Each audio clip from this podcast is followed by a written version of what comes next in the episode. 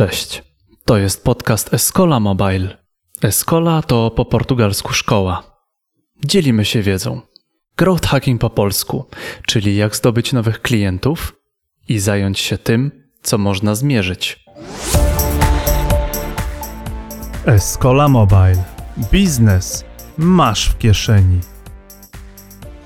Naszym gościem jest Mateusz Wyciślik, szef leadhub.pl, podcaster, marketer, growth hacker.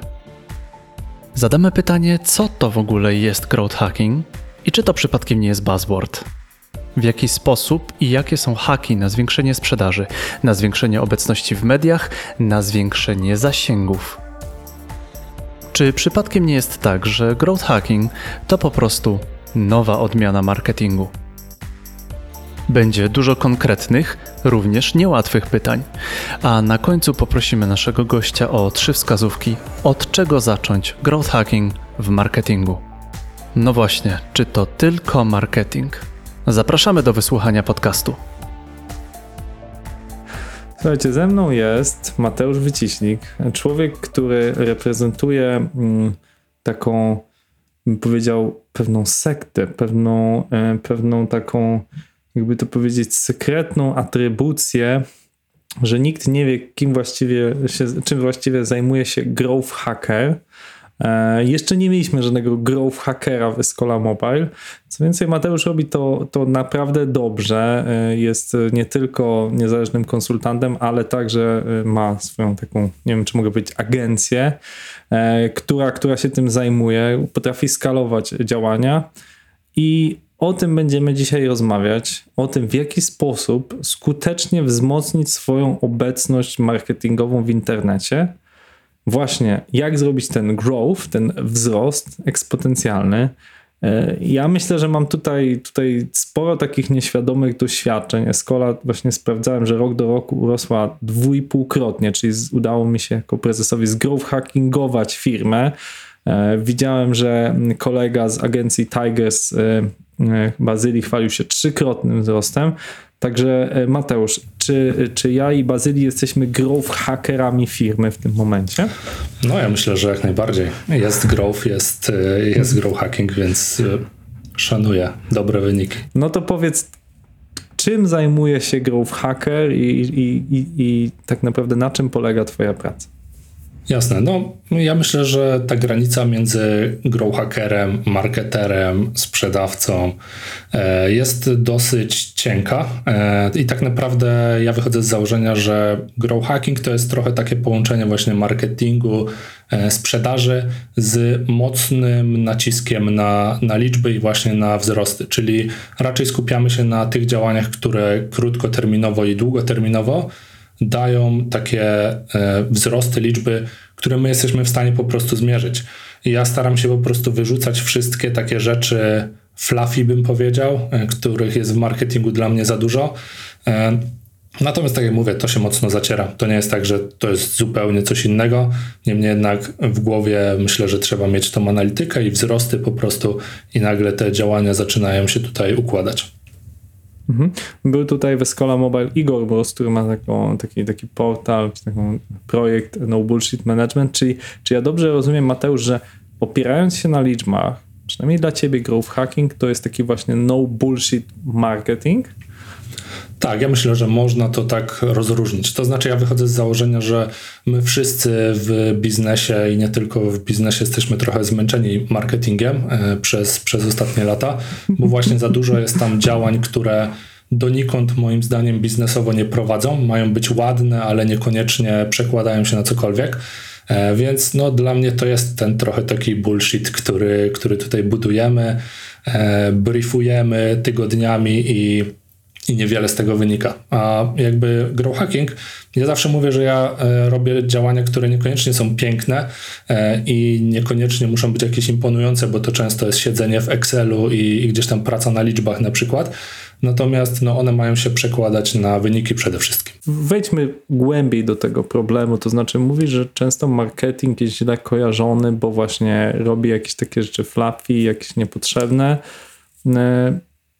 To jeżeli siedzisz w tym i trochę pochodzisz też e, z, z, tego środowiska, to powiedz jakby jakie to są grzechy, tak? Czyli to jest właśnie co jakieś ozdabianie, czy wymyślanie rzeczy, które nie performują, tak? Bo mamy też taką osobną kategorię i chciałbym, żebyś też rozgraniczył, czym różni się growth hacking od performance marketing. Bo dla mnie performance marketing jest trochę tym, co mówisz, czyli że jakby ja przychodzę do agencji, daję, mm, nie wiem, 3000 zł miesięcznie i oczekuję określonego wyniku, tak? Nie wiem, przyprowadźcie mi 3000 leadów, tak? Więc czym różni się growth hacking od performance marketingu?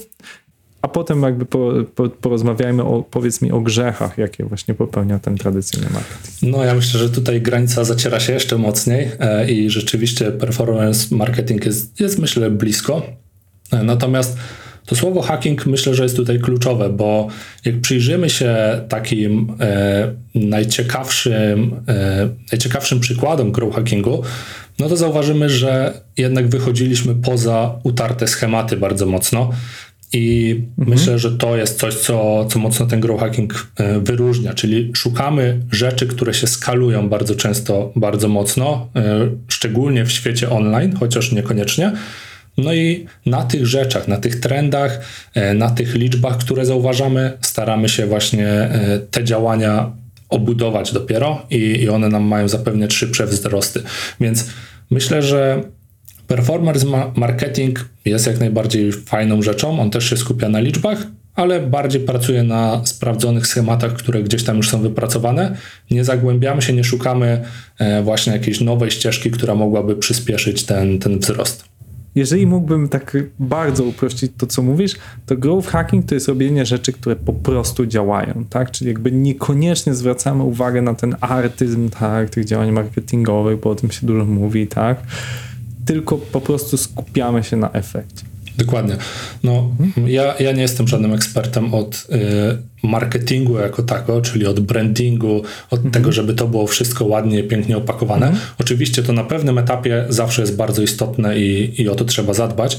Natomiast no, są etapy w życiu rozwoju biznesu, że jednak ten wzrost jest znacznie istotniejszy niż to, czy będziemy spędzać dwa miesiące nad dopracowaniem swoich postów na social media albo swojego logo. Czyli co? Dasz się naciągnąć na wypowiedzenie trzech głównych grzechów marketingu, które widzisz?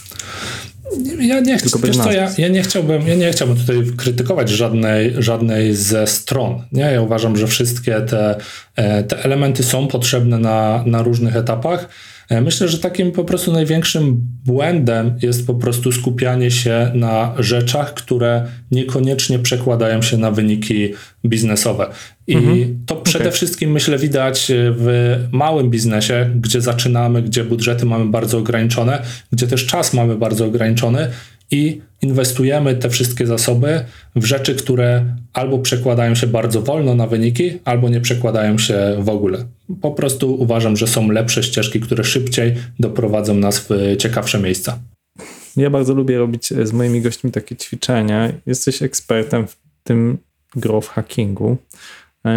Escola pozyskuje klientów B2B zarówno z Polski, jak i z zagranicy, powiedzmy pół na pół. Skupmy się dla, uproszczeniu, dla uproszczenia, że chcemy pozyskać więcej klientów tu w Polsce, którzy dysponują budżetem na aplikację od 100 tysięcy do miliona złotych.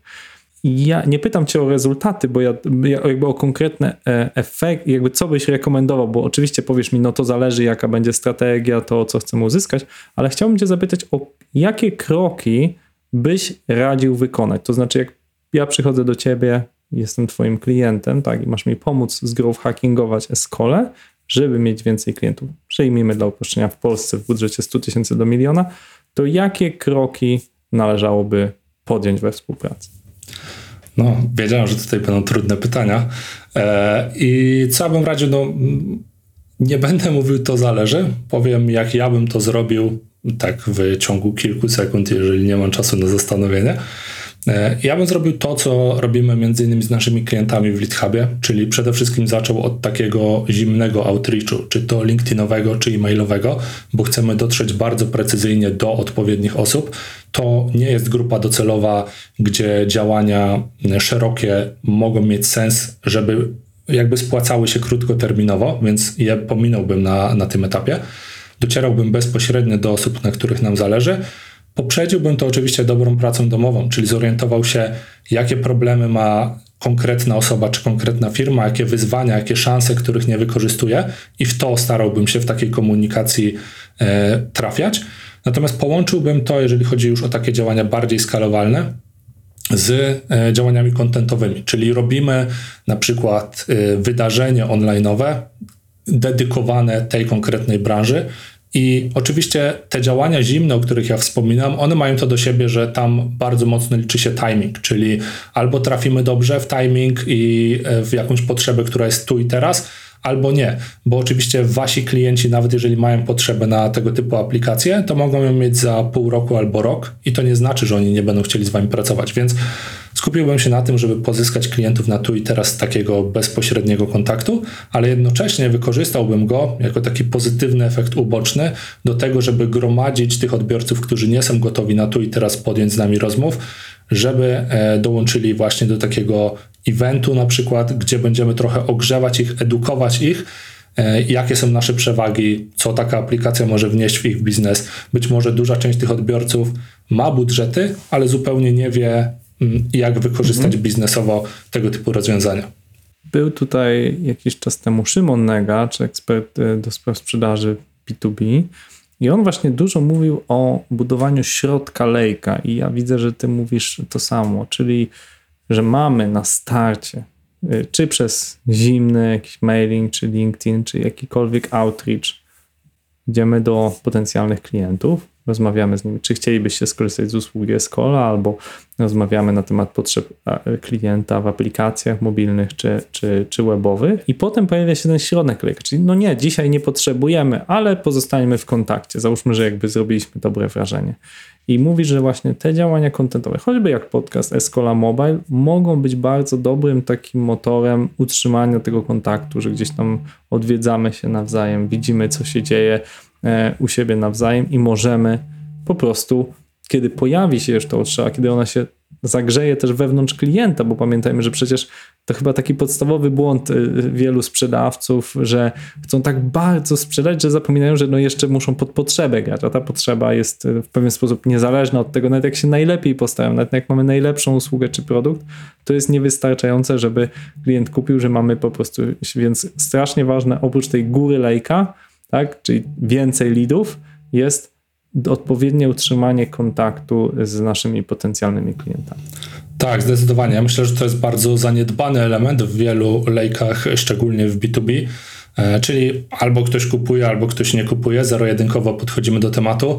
A no myślę, że różnicę robi właśnie ten środek lejka, jeżeli dobrze to rozegramy. Zresztą Szymon jest tutaj dobrym przykładem, bo on zbudował podcastu swoje takie centrum tego ogrzewania e, relacji ze swoimi klientami i myślę, że to wyszło bardzo dobrze. E, no i uważam, że w mniejszej lub e, większej skali w wielu firmach to powinno się dziać, czyli jakaś forma kontentu, jakaś forma marketing automation, gdzie po prostu będziemy budować relacje, które nas nie angażują jeden do, jedne, jeden do jednego już później z tymi klientami, no ale to musi się zadzieć, żeby na koniec dnia te lidy konwertowały. Ja to dobrze widzę u nas w firmie jak sobie analizuję naszego HubSpota i widzę, jakie były punkty styku e, z naszymi klientami, to bardzo często właśnie widzę to, że na przykład dotarliśmy kogo, do kogoś bezpośrednio, to nie był dobry czas, nie mieliśmy nawet żadnej interakcji zwrotnej, ale ta osoba na nas trafiła, weszła na naszą stronę, e, później gdzieś złapaliśmy ją remarketingiem, posłuchała naszego podcastu, dołączyła do naszego webinaru i po 6 czy 8 miesiącach zgłasza się do nas po prostu, że to jest dobry czas, wie już co robimy, jak możemy jej pomóc i działamy dalej. To jest niesamowite, nie? Bo jakby jest, jakby mija długi czas, ty nawet już jakby zapomniałeś o tej relacji, ale dzisiaj narzędzia remarketingu pozwalają nam dotrzeć do tej osoby powielokroć, powielokroć. No i często mówi się, e, choćby e, e, Łukasz, który chyba naszym gościem będzie za niedługo, Kusyniak, który mówi, że właśnie strasznie ważne jest to, żeby cały czas utrzymywać tą relację, po to, że nigdy nie wiemy, jak ona wróci, i ta automatyzacja pozwala nam no, po prostu zwiększenia nasze, naszego dotarcia e, do, do wielu, wielu klientów. Teraz chciałem Cię zapytać właśnie, jakie widzisz te, te orbity, które możemy użyć, tak? No teraz jesteśmy w podcaście, tak? takim najbardziej typowym, co większości osób przychodzi, no to ok, piszmy teksty na bloga. Tak? Czy są jakieś, skoro growth hacking to jest coś takiego super nowoczesnego, czy są jakieś inne metody, które rekomendujesz swoim klientom, które uważasz, że są warte zwrócenia uwagi? Jasne, ja mam trzy takie filary. Akurat uważam, że blog nie jest najlepszy. U nas na przykład blogi powstają głównie z podcastów jako e, forma dodatkowa do podcastu na jego podstawie. Uważam, że mm, teksty po prostu już nie są tak atrakcyjne, jak mogły być kiedyś w marketingu. Takie trzy moje filary to jest podcast. E, to jest stosunkowo, uważam, prosta forma, którą fajnie można właśnie grow hackować, między innymi przez działania, które e, wy robicie, czyli zapraszacie po prostu gości, który, którzy mogą mieć e, swoje społeczności, mogą mieć też fajną wiedzę dla waszej społeczności. To jest bardzo, bardzo fajna strategia. Nie wiem, czy tutaj wiesz, nie zdradzam waszej strategii teraz e, za mocno, ale tak jest. Chyba to jest przemyślane z waszej strony. Druga rzecz to uważam, że e, dużą siłą są formaty webinarowe, live'owe. Zresztą teraz też jesteśmy live, więc tu mamy takie, takie combo. Natomiast E, trzecia rzecz, którą uważam za bardzo fajną, która jest najtrudniejszym chyba formatem e, z tych wszystkich, to jest e, jednak kanał YouTube'owy i regularne treści tworzone właśnie na kanał YouTube'owy. Jest to format trudny, bo trzeba jednak sporej wprawy, żeby tworzyć dobre treści, ładne wizualnie, żeby to było naturalne i tak dalej. W podcaście mam wrażenie, jest to do zrobienia znacznie prościej. Natomiast uważam, że wciąż dzisiaj w bardzo wielu branżach YouTube jest e, właśnie taką dźwignią i tak może być takim grow hackingiem, bo jeżeli dobrze się wpasujemy tematycznie, dobrze odrobimy tą pracę domową, co powinniśmy publikować i będziemy robić to regularnie, to może być e, no, duża dźwignia i po prostu możemy zbudować dużą, stosunkowo dużą społeczność. Ja oczywiście nie mówię o kanałach wielomilionowych, ale w wielu e, niszach e, potrzebujemy kilkuset zaangażowanych odbiorców czy kilku tysięcy zaangażowanych odbiorców, żeby zbudować naprawdę duży biznes. Ja pamiętam niedawną wypowiedź Bartka Majewskiego, który przekroczył 500 subskrybentów, że youtuberem raczej nie zostanie, ale e, te 500 subskrybentów to miało tak wysoką konwersję na jego no, stosunkowo drogie usługi, tak, bo tam od kilku tysięcy się zaczyna jakby entry, wejście, tak, a, a pewnie lifetime value tego klienta jest kilkadziesiąt tysięcy i wyżej. Tak? I ja obejrzałem te filmy, nie wszystkie, ale chyba tam 6 z 8 czy 9 i one faktycznie, no tu nie zgodzę się, że wizualnie są dobre, w sensie, bo człowiek, który pokazuje prezentację na telewizorze, to nie jest na pewno szczyt finezji, natomiast są bardzo treściwe, w sensie jakby Bartek streszcza tam kilka książek, zazwyczaj w ciągu 20 paru minut, dając ogrom ciekawostek, no i ja domyślam się, nie, nigdy nie prowadziłem tego typu wystąpienia, ale to wymaga sporo przygotowania. To trzeba pamiętać, że żeby zainteresować, tak, żeby ktoś z nami wytrwał 25 minut w formie takiego, wiecie, one man, który po prostu opowiada prezentację, trzeba mieć po pierwsze bardzo ciekawie przygotowaną treść, po drugie ją przećwiczoną, tak, bo, bo widać, że to jest nagrane po prostu jak to się mówi w, e, w ujęciu filmowców, na mastershocie, czyli po prostu ktoś włącza kamerę na 25 minut, Bartek opowiada, jak się pomyli, to się poprawia e, i to wymaga dość dobrego przygotowania. Tak? To, jest, to, to wymaga większego przygotowania niż choćby taki live podcast, gdzie rozmawiamy w sposób swobodny.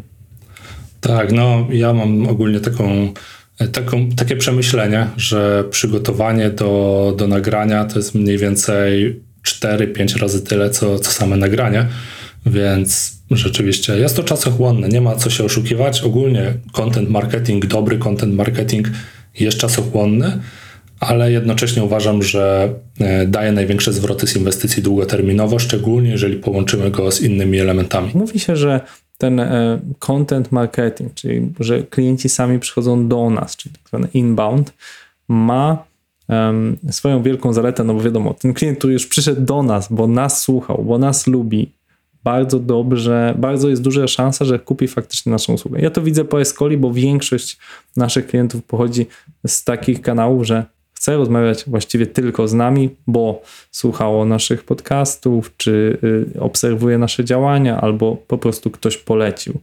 I to jest niesamowite, bo właściwie no, mamy klienta, który rozważa tylko Escola i to jest, to jest świetne.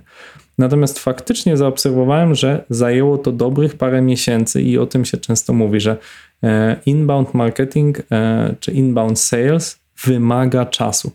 Czy są jakieś sposoby, aby to przyspieszyć, żeby to nie był właśnie rok budowania kanału podcastowego czy YouTube'owego, tylko że nie wiem, po trzech miesiącach już mamy pierwszych klientów? Ja uważam, że content marketing może się e, spieniężać szybko, tak naprawdę natychmiastowo. I też widziałem to w Lead Hubie. Mieliśmy na własnym przykładzie, po prostu obserwując sobie naszego HubSpota, jak to wszystko wygląda.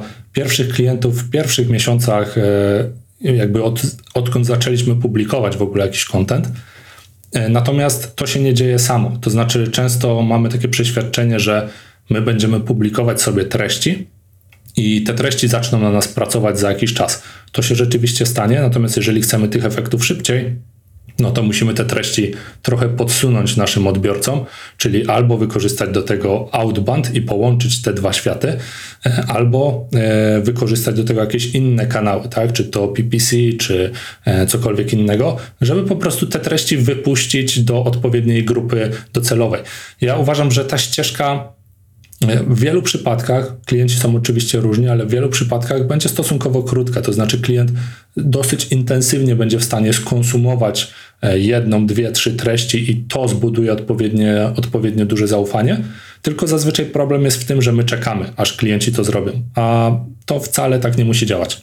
Czyli to, co ty mówisz, to jest, że na przykład mamy kanał na YouTubie, ale pomagamy mu reklamami. Hej, szukasz informacji na temat rynku mobile, zobacz taki film, e, który nagrał prezes Escoli.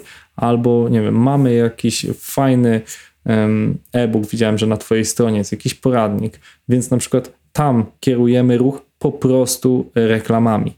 Tak? Czy wręcz, rozumiem, mówisz, że zamiast cold mailem, tak, czy jakimś zimnym e, docieraniem do klientów mówić, hej, mamy świetne usługi, robimy aplikację od 100 tysięcy do miliona, to mówimy, hej, Czy interesujesz się tematem tworzenia cyfrowych produktów i transmisji, e, digital transition? Mamy dla Ciebie świetny poradnik na ten temat. Poczytaj, jeżeli miałbyś jakieś pytania, to się odezwij.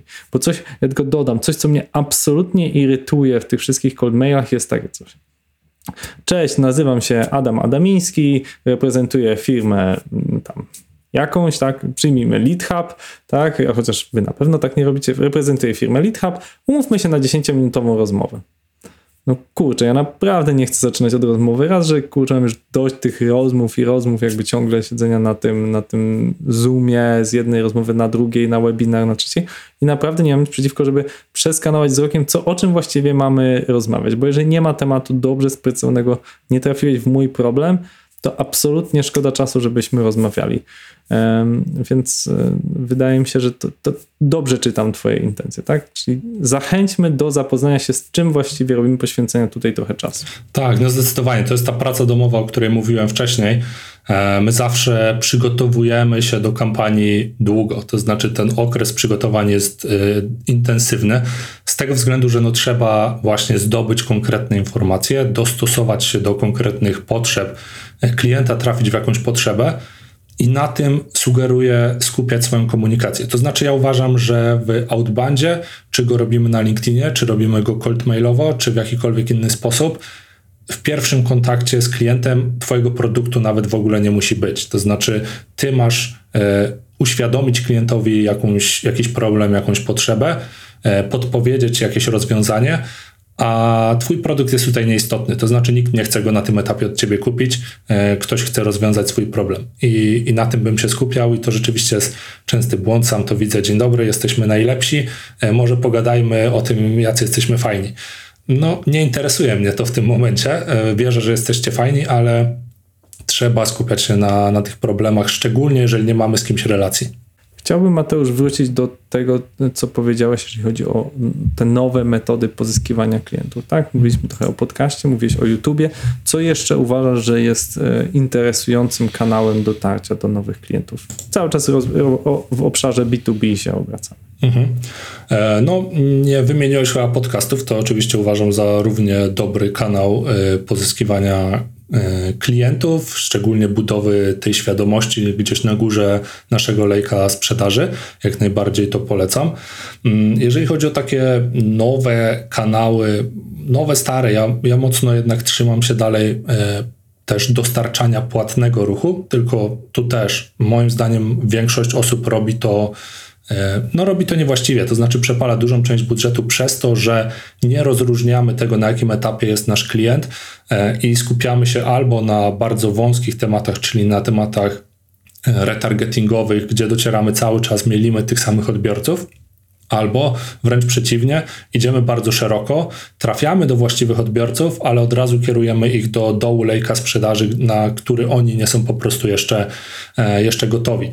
Więc mm, ja uważam, że tutaj można cały czas y, wiele zdziałać.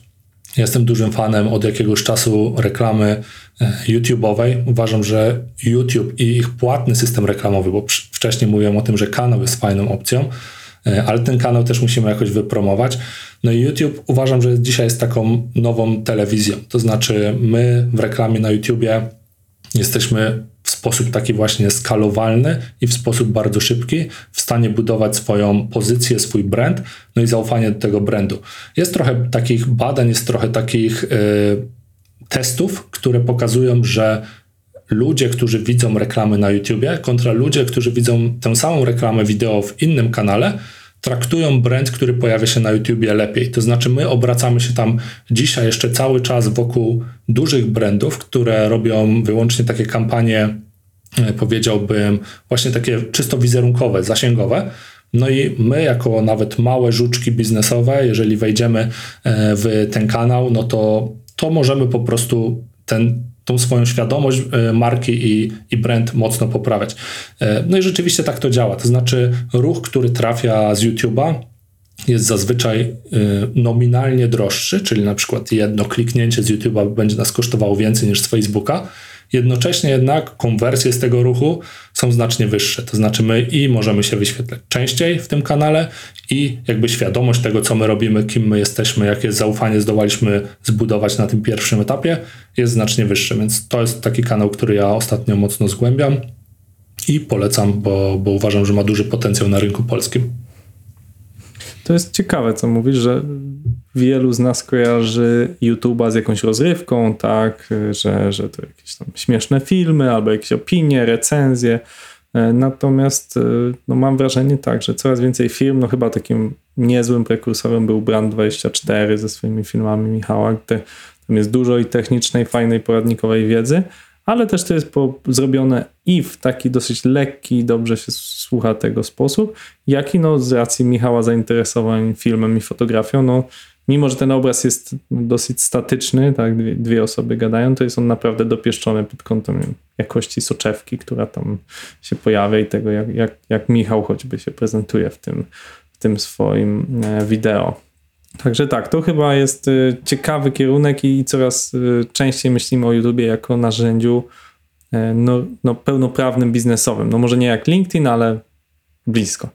Okej, okay, a, a właśnie czy są inne kanały? Czy uważasz, nie wiem, że LinkedIn jest ciekawy, czy nie wiem, TikTok, czy, czy może jeszcze coś innego, co uważasz, nie wiem, newsletter? Czy uważasz, że są jeszcze inne kanały, które mogą w tym growth hackingu pomóc?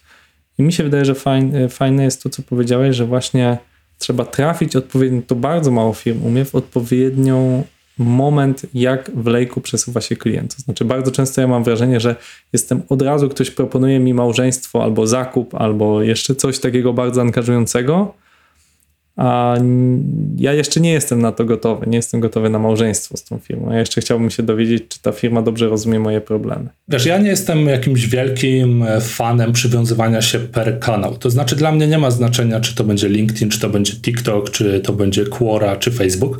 Mm, dla mnie istotniejsze jest to po prostu, gdzie jest odpowiednia skala odbiorców, do których ja chcę dotrzeć, i jednocześnie jaki jest stosunek ilości tych odbiorców do konkurencji, która walczy o ich uwagę, bo to jest też kluczowe, jeżeli chcemy zrobić to tanio, jeżeli chcemy zrobić to w sposób skalowalny. Uważam tak, że LinkedIn jest dobrym kanałem, jeżeli mówimy o marketingu B2B tutaj dzisiaj.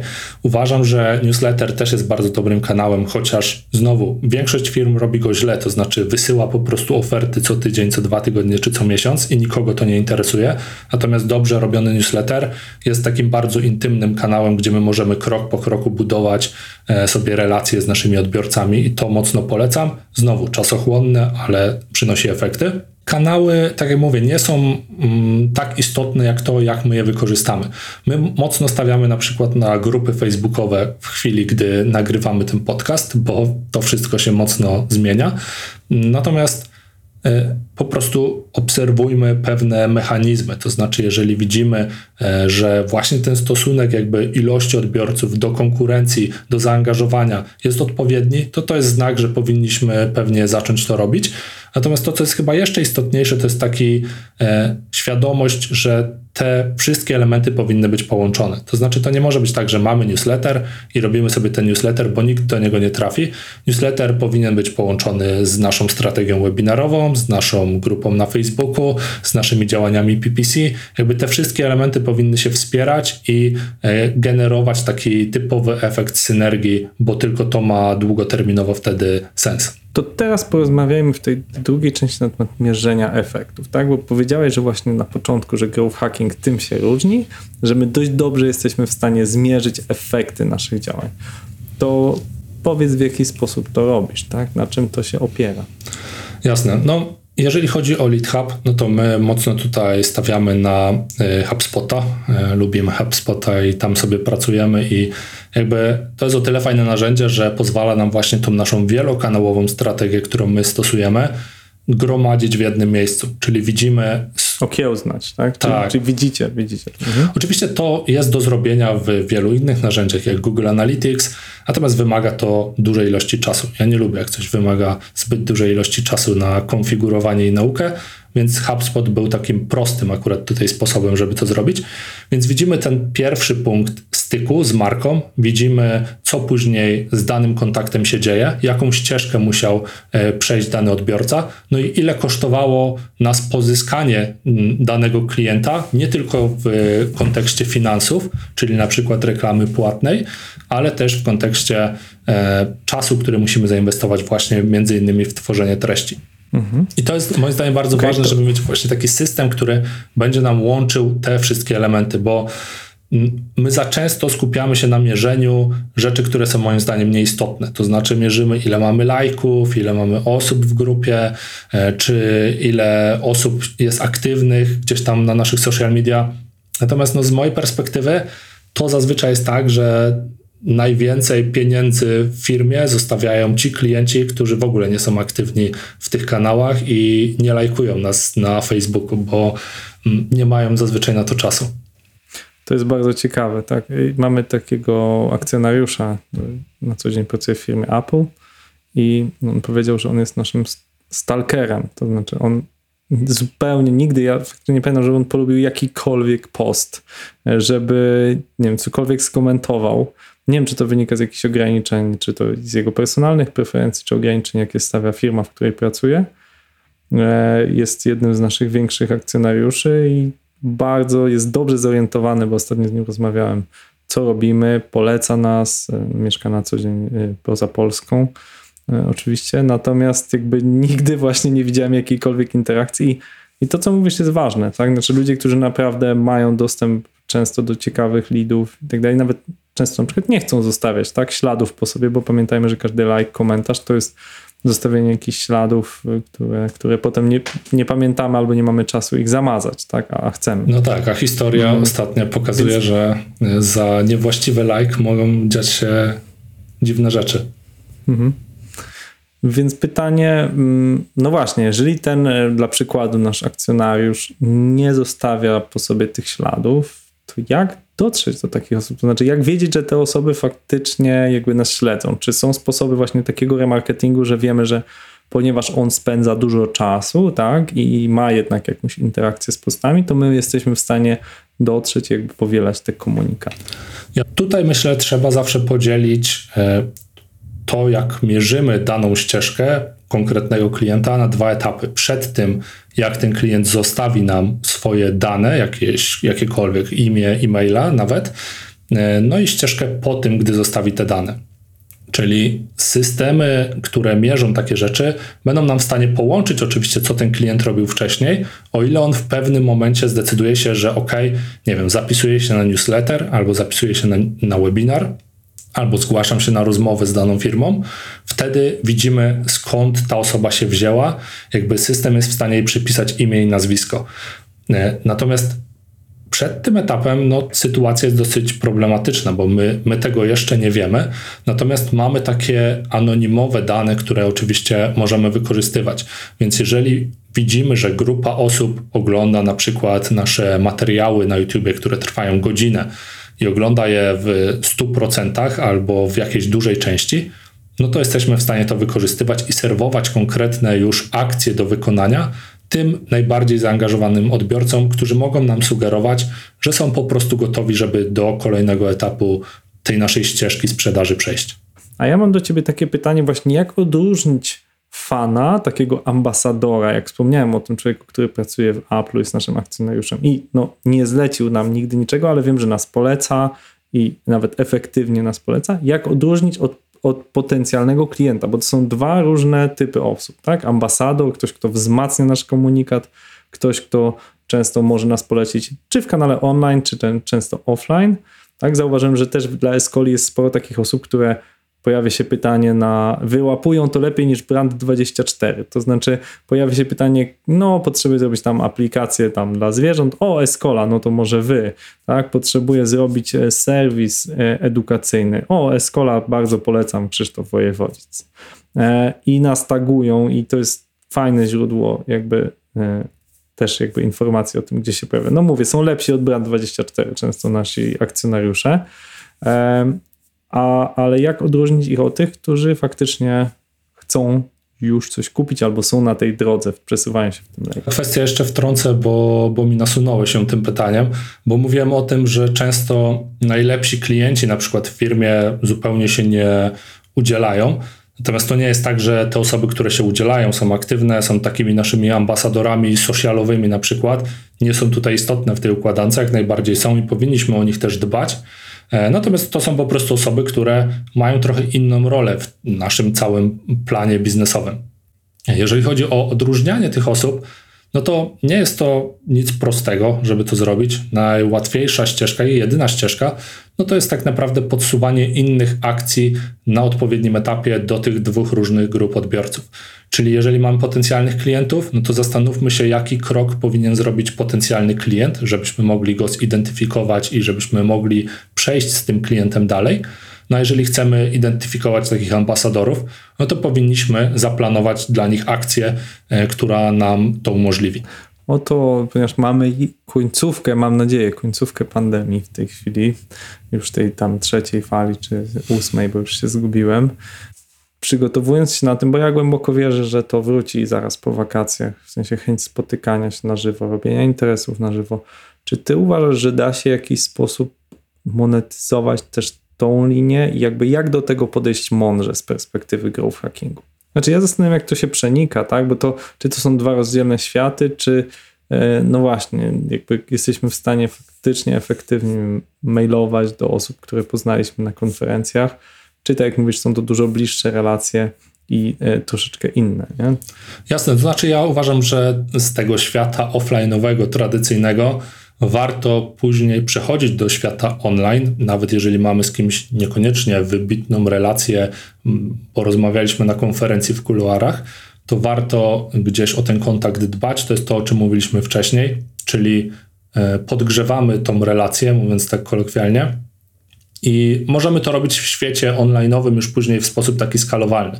Natomiast e, w drugą stronę niekoniecznie zadziała to tak fajnie, no bo jak przenieść te relacje online'owe do offline'u, to oczywiście jest do, pewnie do zrobienia, tylko mm. zastanawiam się. Spotkajmy się.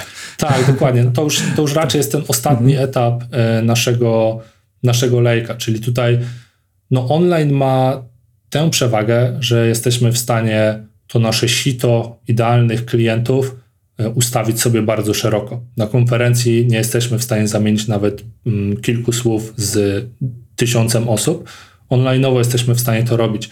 Jesteśmy w stanie na koniec tego dnia, bez naszego zaangażowania jeden na jeden z, danym, z daną osobą, po prostu przejść do rozmów z osobami, które już znają nas bardzo dobrze, już wiedzą, co jesteśmy w stanie dla nich zrobić i na nich możemy się skupiać, żeby budować tą relację długofalową. Ja nie jestem mm, fanem takiego offline'owego marketingu, że tak powiem, czy sprzedaży, z tego względu, że no tamto sito wygląda bardzo podobnie, tylko że jest znacznie wolniejsze e, i jakby mało efektywne moim zdaniem, więc jakby uważam, że online, online tutaj wygrywa, ale to jest tylko moje zdanie, bo ja lepiej czuję się w świecie online niż offline, więc nie sugerowałbym się tym przesadnie. Ciągnąc ten wątek, czy Twoim zdaniem, właśnie za sprawą tego, co, co zmieniła pandemia, przez to, że mamy tak duży napęd tej automatyzacji marketingu, e, w jaki sposób możemy właśnie konstruować te komunikaty? Tak jak mówisz, remarketing pracuje za nas, kiedy śpimy, tak? Jakby kieruje te komunikaty.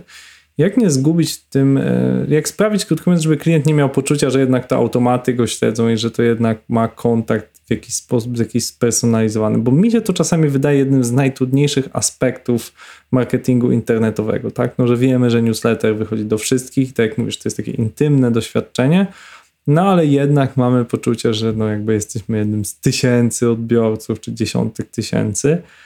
I no właśnie, no z jednej strony jest właśnie ten, ten, ten, możliwość szerokiego dotarcia, ale jak sprawić, żeby to miało taki personalizowany charakter, ale nie taki personalizowany, że jest cześć, hash, imię, hash, tylko żeby to miało naprawdę jakieś takie większe możliwości dotarcia do właściwej osoby. Tak, tutaj przypomniałeś mi o świetnym, świetnym grow hacku, który ostatnio przypadkowo zastosowałem e, w moim newsletterze, gdy pomyliłem formułę podstawiającą imię i dostałem 40 wiadomości, że pomyliłem formułę, także jeżeli chcecie więcej odpowiedzi, to możecie zastosować. E, natomiast wiesz co, mi się wydaje, że to nie jest e, niestety tak, że jesteśmy w stanie personalizować na górze lejka czy na środku lejka bardzo mocno, ale to, co możemy zrobić, no to jest prowadzenie komunikacji w sposób taki bezpośredni. To znaczy, nie stawiajmy tutaj w tej komunikacji niepotrzebnych barier, e, dajmy do mhm. nas dostęp dla tych, którzy chcą przejść tę ścieżkę szybciej po prostu, mogą się z nami kontaktować, mogą odpowiedzieć na każdego maila, wiesz, ja, ja nie rozumiem na przykład tej strategii, gdy wysyłamy newslettery e, z adresu no reply i, i tyle. Nie możesz odpowiedzieć no na tak. maila. No to to jest. No, jak masz 300 e, tysięcy subskrybentów czy milion, no to może wtedy, tak? Natomiast to dotyczy bardzo niewielu osób. Tak, dokładnie. I jakby dajmy dostęp po prostu do nas, bądźmy otwarci na, na klientów na różnych etapach tego lejka. Natomiast to nigdy nie będzie personalne. Musimy się liczyć z tym, że tutaj jednak idziemy w pewną skalę i musimy podjąć działania, no, które mają odpowiednio dobry stosunek e, tej personalizacji do jednak ilości kontaktów, które jesteśmy w stanie zrealizować. Natomiast na końcu tej ścieżki i tak w, szczególnie w B2B stawiamy jednak na kontakt jeden na jeden, więc to jest bardziej takie sito i tak musimy na to patrzeć, że po prostu odsiewamy osoby, które nie są zainteresowane tym, co robimy, nie mają takich problemów, które my rozwiązujemy i na koniec dnia po prostu e, rozmawiamy już wyłącznie z tymi, którzy pasują do naszego biznesu. To Mateusz, jeszcze na koniec chciałem Cię poprosić, jakbyś mógł dać takie podstawowe trzy porady, które dajesz. Widziałem, że masz e, taki, taki e-book takich 20 chyba dwóch takich podstawowych metod growth hackingowych na swojej stronie. Myślę, że możemy e, podlinkować go pod tą e, audycją, pod tym wywiadem.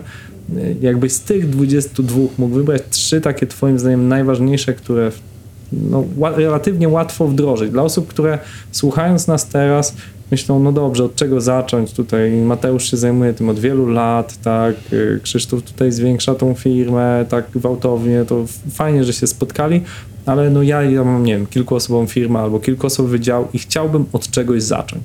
To od czego twoim zdaniem możemy zacząć? Jasne. Wiesz co, ja nawet bym się nie skupiał na tych strategiach, które tam opisywałem. E, ja nie wiem też, czy one są najpopularniejsze. Spisałem tam moje ulubione strategie, które stosowałem. Natomiast y, moim zdaniem, jeżeli jesteśmy właśnie na tym etapie, gdzie po prostu to jeszcze nie funkcjonuje, nie mamy regularnej przede wszystkim sprzedaży, bo moim zdaniem problemem jest taka nieprzewidywalność i nieregularność w sprzedaży bardzo często, to powinniśmy zacząć w B2B między innymi od tego bezpośredniego kontaktu, czyli nawet jeżeli my boimy się sprzedawać w taki sposób, to moim zdaniem warto wychodzić jeden na jeden do klientów na początkowym etapie i pytać o ich problemy, pytać o to, jak moglibyśmy im pomóc, udoskonalać w ten sposób nasz marketing, nasz produkt, bo to jest mega istotne. A jeżeli się nie boimy, to róbmy to, o czym mówiłem, czyli wychodzimy e, z propozycją rozwiązania konkretnego problemu, trafiamy w konkretną potrzebę i to naprawdę nie jest takie trudne. To znaczy, jeżeli ktoś ma problem, a my jesteśmy w stanie go rozwiązać, to ktoś nam zapłaci za to, żeby rozwiązać ten problem i tak to działa. Druga rzecz, stawiałbym na właśnie formaty kontentu, które e, moim zdaniem najszybciej e, są w stanie budować zaufanie do nas i są w stanie przekazywać jakąś wartość i też budować społeczność wokół tego typu tematów, które mają bardzo dużo takich pozytywnych efektów ubocznych.